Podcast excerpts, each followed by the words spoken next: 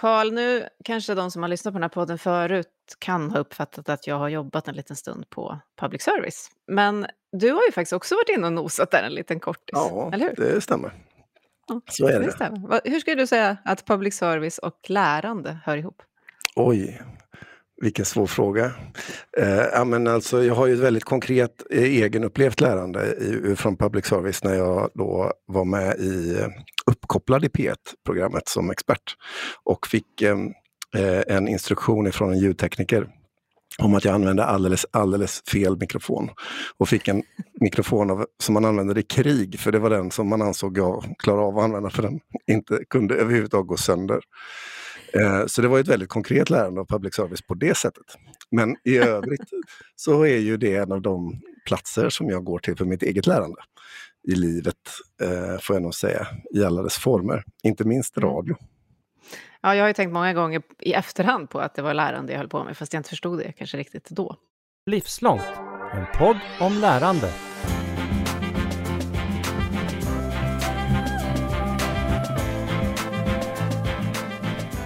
Men då är det så att the queen av lärande i public service, det är ju UR. Även du och dina barn måste ju ha hängt på UR och UR Play en del. Absolut. Vad gillar de bäst? På Utbildningsradion, ja, men alltså det är ju väldigt mycket alltså, dokumentärt material av olika slag. Att här, ta sig an livsöden eller sammanhang eller historiska förlopp och så. Eh, den typen av berättelser på Utbildningsradion, eller UR, det är nog det som har liksom fastnat mest på hemmaplan. Men sen vet jag ju att man använder UR väldigt mycket i skolan också. Eh, och så, ja, det kommer ju från båda håll, så att säga. både hemifrån och ifrån skol, skolhållet. Yes. Okej, the queen of learning sa jag och då får eh, du vara det hos mig, Katarina Pietschak och Carl Heath här i Livslångt idag. Eh, Gabriella Tins, hej! Hej, tack, vad roligt. Välkommen hit. Tack. Du, din titel förpliktar. Eh, men låt oss parkera det en stund och återkomma till den. Jag frågade en helt annan person i veckan här, vad ska jag fråga eh, vår gäst den här veckan i Livslångt? Och då fick jag höra så här, hon är så enormt kreativ, fråga något om det, blev svaret. Så på vilket sätt känner du själv att du är kreativ? Vill jag då börja med att fråga. Oj, eh, jag skulle säga att möjligtvis är jag så att är jag kreativ i liksom dels i någon slags grillaföring, att jag gärna går nära produktioner på UR. Det är inte riktigt mitt jobb eh, som chef eller ansvarig, men jag går gärna nära och är eh, liksom på medhörning och kanske i kreativa processer numera. Eh, sen har jag ju liksom varit producent och regissör inom media ganska många år. Och det präglar nog mig ganska mycket om mitt förhållningssätt till mitt jobb. Eh, och sen så tror jag att kanske att jag försöker ha ett kreativt förhållningssätt överhuvudtaget till problem, möjligtvis, att lösa dem. Och sen så är jag kreativ när jag behöver vara kreativ också i mitt, mitt eget privata liv. Då kan jag vara det på sådana här liksom väldigt vardagliga sätt som att jag eh, älskar att laga mat när jag har tre ingredienser hemma. Och så. Så att, så, att, så att jag har tänkt ganska mycket på det här med kreativitet utifrån just begränsningar. Begränsningar är för mig eh, en ganska viktig sak. Ram och begränsningar för kreativitet.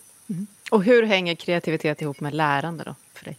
Jag tror ju att, eh, att- eller jag är övertygad skulle jag säga, att i en kreativ process, när man gör och skapar, så finns det ett lärande. Alltså, eh, när man försöker lösa en uppgift så sätts liksom det, det, liksom det kreativa inom en igång. Och då finns det ett lärande. Därför att, och då bygger man det så att säga delvis inifrån också. Så att kreativitet är jätteeffektivt. Eh, så att det finns till, till och med något som heter så här konstnärlig läroprocess eller någonting, något så här begrepp som handlar om just, just vad som händer, att man lär sig väldigt mycket olika saker, även teoretiska saker när man gör praktiska saker och så vidare. Så att det, det, det, det hänger ihop. Vi har pratat en del, Karl, om inre och yttre motivationskrafter för lärande och så. Hur, hur skulle du beskriva kreativitet kopplat till lärande? Ja, Men för mig så är nog kreativitet i den här kontexten som vi pratar nu så är det för mig ett, eh, det är ju ett eh, det är liksom en, eh, kan man säga, en egenskap eller en funktion av att vara människa på något sätt. Att vi försöker att liksom utforska det som vi inte vet eh, och att hitta nya mönster i det okända. Och att det väldigt mycket är kreativitet. Och en sån sak som jag tror, och som jag också läst när man läser forskare som Simon Baron Cohen till exempel, som forskar på Eh, hur människan tänker kring system och systemstrukturer och sånt där. Att människan har en sett i relation till andra djur på jorden, en ganska unik förmåga att kunna eh, förstå ett system. Att ett djur kan förstå ett objekt eller en händelse. Men att kunna se orsak och verkan, eh, if and then. Om jag gör så här och sen detta så händer det här. Och att då kunna laborera och leka med det in i begränsningar som, som eh, du Gabriella beskriver. Att man har ett antal begränsningar och sen prövar man sig fram vad som vad funkar för olika typer av mönster och sammanhang. Och jag tror att kreativiteten väldigt mycket står att finna i att kunna observera och förstå och att kunna koppla ihop de här olika eh, länkarna eller mönstren med varandra. Och att det är en, ja, det är en väldigt mänsklig egenskap och som jag tror att alla av oss har i olika former, som man också naturligtvis kan odla och nära på olika sätt. Vilket du då gör Gabi med tre ingredienser och sådär ibland. Vad, vad, är det mest oväntade eller coola som du tycker att du har gjort kreativt genom att tänka sådär eller jobba sådär? Jag, jag måste liksom haka på Karl. Jag, jag, ska svara på frågan, men jag måste haka på det som Karl säger där kring, kring system och struktur. Mm. Eh, därför att direkt så tänker jag på ett, just kopplat till ett projekt eh, som vi gjorde, eller ett program. Mm. Eh, och det handlade om, vi, på UR så är vi ju liksom behovsstyrda så vi lyssnar väldigt mycket på vad behöver skolan och sådär. Och då kom det till oss att eh, skolan hade svårt att hantera grammatik. Alltså grammatik, svensk grammatik ska man lära sig, men hur gör man det? Och det är tråkigt, lärarna tycker det är tråkigt. Det var väldigt mycket att det var tråkigt och tråkigt. Och jag har en liten svaghet för grammatik. Så när jag hörde detta sa jag, eh, då på den tiden eh, så jobbade jag i väldigt så nära produktion, så jag, det här gör jag jättegärna. Det här gillar jag. Och så fick jag en, en supersnål budget faktiskt, och, eh, vilket var väldigt bra för mig då, eh, för jag tvingades vara kreativ. Men det som var så intressant, det var att då i den här researchfasen så, så fick jag till mig just det här som du är inne på Karl. Eh, jag tror att det kom, det kom från Thomas Riad i, i Svenska Akademin som sa ungefär så här att ja, men, eh, eh, man kan inte säga att grammatik är tråkigt. Grammatik är barnets sätt att få ordning och struktur på språket. Alltså, barnet hör massa ord, och ljud. I detta så måste barnet få ordning på, på liksom det man hör för att kunna kommunicera, vilket är en jättestark drivkraft såklart, att få kontakt och kommunicera. Mm. Och i den här enorma motivationen att kunna kommunicera så skapar man struktur. Och det är grammatiska strukturer som man skapar. Han påstod till och med att det kanske gjordes eventuellt när man ligger i magen alltså.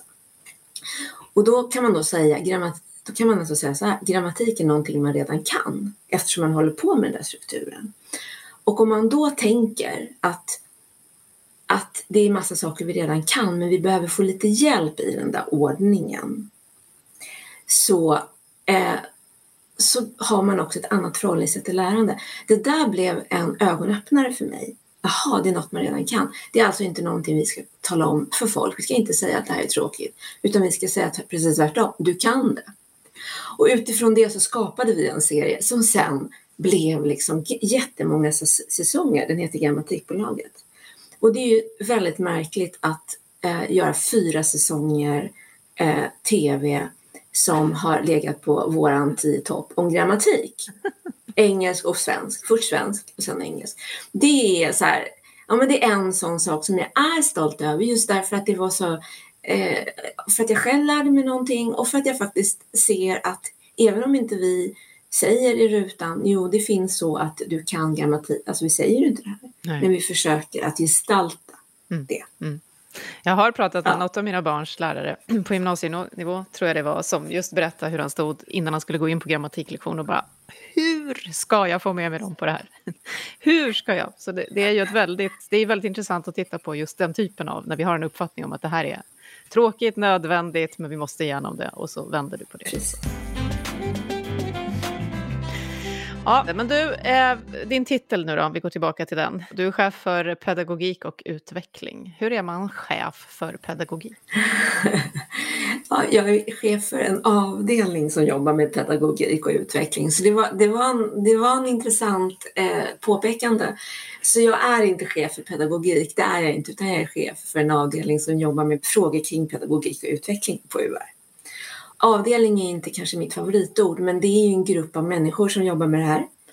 Och det är en ny grupp på ett sätt, inte nya människor, många har jobbat med det här länge på UR, men vi har liksom, nu så kombinerar vi utveckling och eh, eh, pedagogik. Och vad skulle du säga om själva pedagogiken då, även om det här nu var en, en grupp människor och helst inte en avdelning? Mm. Eh, behövs alltid pedagogik för att lärande ska skapas? Jag skulle vilja säga eh, utifrån vårt uppdrag UR, ja, svar ja. Alltså, det behövs ett, i alla fall ett pedagogiskt förhållningssätt. Och ett pedagogiskt förhållningssätt är ju någon slags medvetenhet om vad är det för värde jag vill att det här programmet ska ge? Vad är det som jag vill ska hända? Och det kan ju vara så att det är en dokumentär som Karl pratade om, att det är liksom en dokumentär, det är, inte, det är inte någon som tittar in i rutan och förklarar att ett plus ett är två. Men det finns ett berättande som är starkt och det finns ett värde. Det är också pedagogik. Journalistik är i superhög grad ju pedagogik skulle jag vilja säga. Karl, vad säger du, pedagogik och lärande? Nej, men jag tänker på eh, när jag hör dig berätta om just Utbildningsradions, liksom, hur du tänker kring de här frågorna utifrån att ni producerar både bild, eh, liksom film och, och, och radio. Eh, och att det finns någonting som är ganska intressant i ert uppdrag och som eh, som innebär att eh, ni, ni, ska utbilda eh, och ni ska göra det med hjälp av de här medierna som ni är eh, liksom som är ert hantverk i någon mening. Precis som att en lärares hantverk är att liksom befinna sig i skolan och i klassrummet och, och andra miljöer och att liksom få en grupp att lära sig saker och ting. Så, och, eller en läromedelsförfattare skriver en bok och, eh, eller ett digitalt läromedel och liksom har det materialet som sitt liksom, hantverksskickliga material som de är skickliga i relation till, så har ju ni filmen och, och, och, radion som era material någonstans. Och just det där du beskriver att utveckling och pedagogik hänger ihop. För mig så är det någonting där som är intressant just med vad som händer i mötet mellan det ni vill utbilda i, i ett språk eller vad det kan vara för någonting. Och er yrkesskicklighet kopplat till själva mediet och hur man hanterar det. Och att det kanske är någonting som ni inom Utbildningsradion förhåller er till på ett kanske annorlunda sätt än om man tittar på er eh, granne Sveriges Television eller andra eh, aktörer som skapar material av olika slag. Och jag blev väldigt nyfiken på liksom, hur du tänker kring det där att när ni har pedagogiken som en så viktig del av ert arbete, vad är det som är det där annorlunda i hur ni skapar ett lärande med hjälp av de här medierna jämfört med, med andra någonstans? Ehm, det är eh, superviktigt för oss att fundera på hela tiden. Vad är det som särskiljer oss? Så din fråga är ju, dels så tycker jag att du beskriver vårt uppdrag jättefint Karl. så behöver inte jag göra det nu riktigt. Men liksom våran särart är en del av vår strategi såklart också. Mm. Men jag skulle vilja säga lite, om jag skulle beskriva vad jag ser som annorlunda på ett hyfsat enkelt sätt skulle jag säga att en, en nyckel är det som vi kallar för ett pedagogiskt berättande. Och ett pedagogiskt berättande är ju att ha ett lärande i fokus och eh, veta vad det är för lärande som vi vill bidra med och att med det, det starka i ett, en storytelling, i en dramaturgi, utnyttja egentligen styrkan med storytelling. Att ge kontext, att ge kött och blod till kunskapen. Och att ge, eh, att medvetet kanske skapa progression till exempel. Och jag skulle säga att, att det, vi är ju inte ensamma om att göra det här. Men vi, där jag tycker vi kanske är mest unika, och det här är ju liksom, det här, nu, nu pratar jag ju vad jag ser som, det är ju när vi liksom lyckas prata om någonting som är ganska svårt att prata om och kanske inte eh, liksom som man normalt sett eh, kanske betraktar som instrumentell kunskap, att man ger det, liksom skapar kontexten och storyn kring. Och att det sen, sen tycker vi också att, att, att det är oerhört viktigt vad som händer efter ett program. Så att vi lägger ju väldigt mycket tid och kraft på att, att liksom ge verktyg till elever och lärare att, att liksom skapa efter ett program. Jag har en fundering, en fråga har jag. Eh, som är att UR gör ju så många olika saker och en sak som ni gör det är ju UR Samtiden mm, produktioner där ni så säga, eh, dyker upp i vår samtids pågående olika samtal och processer. Och eh, möter en konferens eller ett sammanhang eller ett ämne eller sådär. Och där målgruppen är en annan egentligen. Det är liksom, då har man lämnat skolans målgrupp, föreställer jag mig, och liksom vänder sig mot, mot hela, hela folket fast i en utbildande kontext. Och då tänker jag att just på temat livslångt lärande, att i den facetten av Utbildningsradions, eller URs arbete så möter ni ju möter ni ju eh, människor i, i alla åldrar och alla sammanhang. Tänker ni på ett annat sätt när ni liksom ska prata för alla jämfört med när ni har den här mera skolorienterade utgångspunkten? Ja, det, det, skulle jag vilja säga. Det är ju, på ett sätt är det ju lättare att möta den skolorienterade publiken därför att det är ganska tydligt vad, vad de befinner Dels är det en plats, skolan, och dels så är det, finns ett tydligt uppdrag. Men när vi är i, i liksom liksom, det folkbildande uppdraget som vi, vi ju också har, eh, skulle jag vilja säga att det är ju eh, oerhört spännande och där valde ju vi att göra till, tillgängliggöra föreläsningar helt enkelt för en stor och bred publik. Mm. Eh, för att liksom skapa ett, ett slags, ja men det är tillgängliggöra, det är eh, en bredd, det är en djup, ett djup. Eh, vi har liksom akademin där och så, som får ut sin röst också. Så att, men vi funderar ju mycket på det här Karl. Det här är ju en, en, stor fråga för oss. Och till exempel nu är vi ju, funderar vi ganska mycket på hur kan vi förhålla oss till vetenskap? Alltså hur kan vi ta det ett, ett snäpp till? Och jobba med andra typer av format kopplat till eh, aktuell vetenskap. Så att vi, det här är en stor och viktig fråga. Vi har ju som strategi att vi ska möta samhällsutmaningar, adressera dem, eh, möta dem i liksom kunskapssituation. Och där är det ju folkbildande uppdraget väldigt viktigt, även kopplat till liksom, saker som desinformation och faktaresistens och sånt som är, liksom lite, är lite det härandet också. Jag ser att vi har eh, fått en gäst till i studion. Ja, vi har ju det. Mm, jag heter Alexia, jag är åtta år och jag bor i Örebro och går på Kryddgårdsskolan. Vad gillar du mest att lära dig? Matte. Hur kommer det sig? För att jag är bra på det och jag gillar det. Du har ju tittat runt lite på UR, UR Play och, och UR-appen och sådär. Vad tycker du om den? Den är rolig och så finns det program här om, för folk som är små. Liksom. För att så här, om de vill lära sig bokstäver. Det är ändå kul för folk som är stora också. Typ så här som Bokstavslandet och så. Och sen är det bra program för att det är så här miljöprogram och de visar liksom att alla kan göra skillnad för miljön. Har du eh, tittat på URs olika saker både hemma och i skolan? Och är det någon skillnad? Ja, i skolan brukar vi titta på Förut tittade vi på ett program som hette Vara vänner, men det var så för att man skulle vara vänner. Men nu är det typ tema miljö och Uppdrag framtid. Och då tittade vi på ett program som heter Uppdrag framtid, som är kul. Gör ni någonting sen med det i skolan när ni har tittat? Ja, vi brukar få lite frågor. Man kan ju lära sig på olika sätt. Hur tycker du bäst om att lära dig? Alltså så här, eh, man kan ju spela, för då kan man ju lära sig så här, liksom engelska och så. Men det är också kul när man tittar för då gör de det till en rolig grej. Liksom, inte bara att de babblar på så här, ja men det här kan du göra för att lära dig och så, utan de visar och pratar på ett bra sätt och jag tror de tänker på det när de spelar in. Hur syns det? Ja, men de liksom visar hur man gör och inte bara säger hur man gör. För då kanske man inte förstår lika mycket och inte orkar lyssna om det bara så här, bab, liksom, man bara babblar på. Har du några tips till UR? Så att du skulle tycka att det var ännu roligare att fortsätta hänga med dem? Um, ja, kanske typ lite... Det skulle vara kul om man fick ha lite mer program som är så här eh, för mindre barn. För, alltså så här för typ treåringar och så. Inte för mig, liksom. För att jag, det finns mycket program där som jag gillar. Alltså inget för mig. Men för mindre barn borde det finnas lite mer. Tack då, Alexia.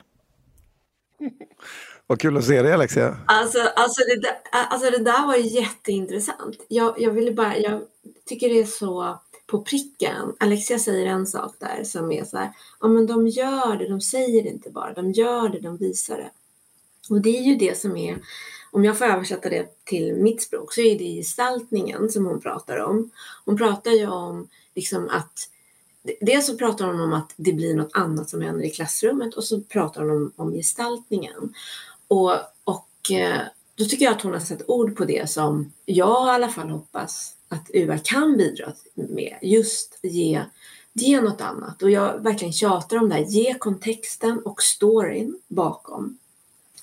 Och därmed om man liksom får, får liksom skapa motivation. Och här har vi också uppenbarligen skapat, eller vi, det som har hänt är att det också skapat en aktivitet och då är det ju liksom ännu bättre. Så att, så att det, här, det här är liksom det som Alexia berättade precis just nu med några få meningar egentligen har ju hon ringat in liksom, vårt uppdrag. Så det var jättekul. Som du är inne på så har ni både liksom ett innehåll som ni skapar och producerar men ni har också ett antal format som ni jobbar kring och sådär. Ett format som är väldigt tydligt är Lilla Aktuellt. Eh, och det och dyker upp i mitt hushåll eh, eh, varje vecka. Diskussioner om vad som har hänt på, på Lilla Aktuellt. Även här.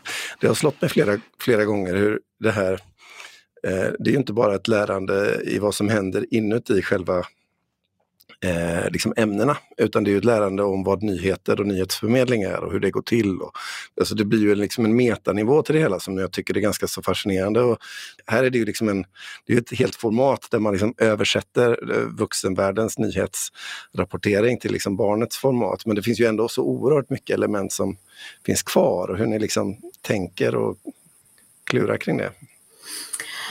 Ja, ehm, jag har inte jobbat så nära just Lilla Aktuellt, men om jag, jag skulle vilja säga så här, det som du är på där Karl, det är ju också vikten av att vänja sig vid att ta del av eh, nyheter å ena sidan och å andra sidan att tolka nyheterna, göra en tolkning för barnen och också att barn medverkar, vilket är jätteviktigt. Det har ju vi alltid tyckt, nu det är en parentes, men det är ju viktigt när vi pratar om barnperspektiv och, och vårt innehåll, att barnen ser sig själva, att det finns en stark identifikation. Så, mm, det finns ett enormt behov av den typen av innehåll. För det är en del jättesvåra saker att prata om. Mm. För både föräldrar och för lärare. Mm. Mm. Ett projekt som vi hade gemensamt under pandemin och som vi alla hoppade ombord på i någon slags jättesnabbt ihopsnickrad båt som skulle stödja skolan med alla inblandade var projektet Skola hemma som stödde distansundervisningen först på gymnasiet mest. Då. Och sen gjorde vi en konferens efter det om vad vi hade lärt oss och vad man då skulle ta med sig kring lärande för unga framåt. Eh, om vi vill fortsätta skapa förutsättningarna för det här livslånga lärandet hos unga, vad är det viktigaste att vi faktiskt tar med oss Karl första. Oj, eh, om vi, om, frågan är då vad vi tar med oss av det här liksom ett och ett halvt åren och, och erfarenheten av skola hemma. En, eh, eh, på systemnivå, en av de kanske absolut viktigaste iakttagelserna för mig, det är ju insikten att eh, det går att göra väldigt mycket mer och förändra mycket mer för att skapa bra förutsättningar snabbt än vad vi tror är möjligt i vardagen. Eh, den här liksom omvälvande krisen som vi hamnade i och som tvingade oss till att ställa om hela utbildningssystemet på bara några dagar. Det gick faktiskt att göra det. Eh, och Det var inte lätt och det fick en mängd olika konsekvenser. Men just det faktum att det faktiskt går att skapa förändring på kort tid, det är någonting vi absolut inte får glömma. För det är ju verkligen en möjliggörare för hela utbildningssektorn framåt. Mm. Ja, jag kan bara instämma, men om jag skulle lägga till någonting annat. Det blev också oerhört tydligt vad, eh, hur viktig skolan är och hur viktig läraren är. Och att eh, vi alla kämpade för att, så att säga, lösa en situation och väldigt mycket bra gjordes. Och samtidigt vet vi också att, att det var väldigt många elever som, hade, ja, men som, som fick betala ett högt pris. Jag tycker också att det väckte en insikt om hur vi måste stå starka på något sätt och, och liksom värna om skolan, värna om utbildning. Ja, vi drog igång eh, den där sajten Skola hemma på, ja, som sagt, väldigt få dagar och det var väldigt kraftigt i det där samarbetet. Om, om vi då vill gå vidare med att eh, skapa det här lärandet, vad är nästa kreativa grej vi skulle behöva dra igång i samhället i stort? Sen om vi får vara med så är det ju kul. Jag tror att eh, jag, jag, tror att man skulle kunna göra, jag skulle vilja göra något ännu starkare för eh, språk. Just nu, mitt drömprojekt, vet du vad mitt drömprojekt är?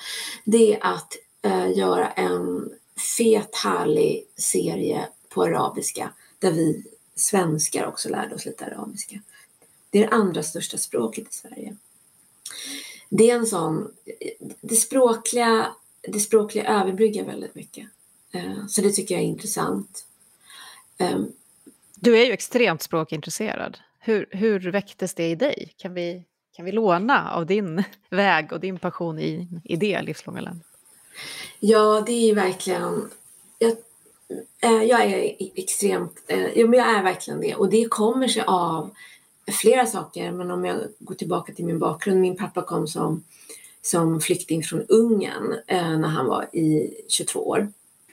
Och han lärde sig svenska på ett jättefint sätt men han bröt allt och jag var så fascinerad av, av hans språk. Och sen bestämde jag mig för att jag ville lära mig, jag ville bli väldigt bra på franska. Och jag kunde liksom inte nöja mig med, med att vara halvbra. Så jag jobbade så fruktansvärt mycket med att lära mig franska. Jag har lagt ner så mycket tid i mitt liv på det. Och då lite den här inre pedagogen som vi pratade om tidigare. Eh, den har jag varit verkligen i kontakt med själv. Och sen har jag varit liksom ansvarig för eh, både program som vänder sig till ny, nya svenskar och vi har gjort väldigt mycket, eller ganska mycket satsningar på, på det. Både språkligt och identitetsskapande och sådär. Men även för skolan och, och liksom alla språken man lär sig, inklusive engelska och svenska och sådär.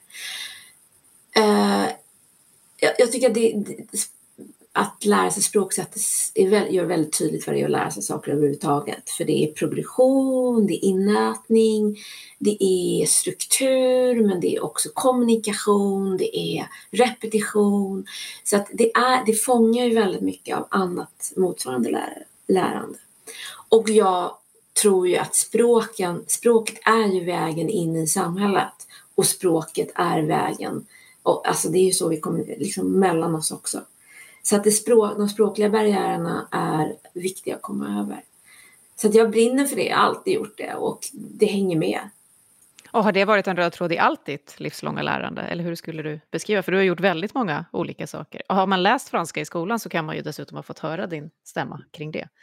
Men du har gjort många saker som du, som du beskriver. Vad har den röda tråden varit? Min röda tråd har nog varit tre egentligen. Eh, dels journalistiken och samhällsintresset. Eh, sen berättandet och storytellingen och eh, kulturmöten. Så det är där jag rör mig det härandet hela tiden. Och det har jag egentligen gjort sedan jag var ung och jag har fortsatt med det men i olika roller och jag kanske gör det fortfarande på ett sätt i den här rollen. Så om nästa drömprojekt skulle cirkla runt språket och arabiska språket och så, vad, vad är ditt nästa eget lärande, skulle du säga? Mm, just nu så är jag i ett lärande att jag funderar ganska mycket på ledarskap. det är faktiskt där jag befinner mig just nu, om man ska säga nu nu. Det är att jag, att jag både läser ganska mycket böcker kring ledarskap och jag funderar väldigt mycket på vad det är som gör att, att äh, team blir, blir kreativa, äh, skapar nytt, vill framåt och vad, som, vad det finns för hinder för det. Så om du frågar mig just nu så är mitt lärande, mitt livslånga lärande är kopplat till, till eh, framåtrörelse och ledarskap och vad det är. Och jag hör ju att den här personen som jag frågade då och som svarade kreativiteten, frågade henne om det, hade uppfattat det rätt. Eller uppfattat dig i alla fall. Den kommer in där hela tiden, kreativiteten. Alldeles uppenbart. Mm. Eh, stort tack Gabriella Tins, chef för pedagogik och utveckling på UR för att du var med oss i Livslångt. Tack så hemskt mycket. Tack. Du har just hört Livslångt, en podd från RISE om allt det där man lär sig i livet. Vi hörs om en vecka igen.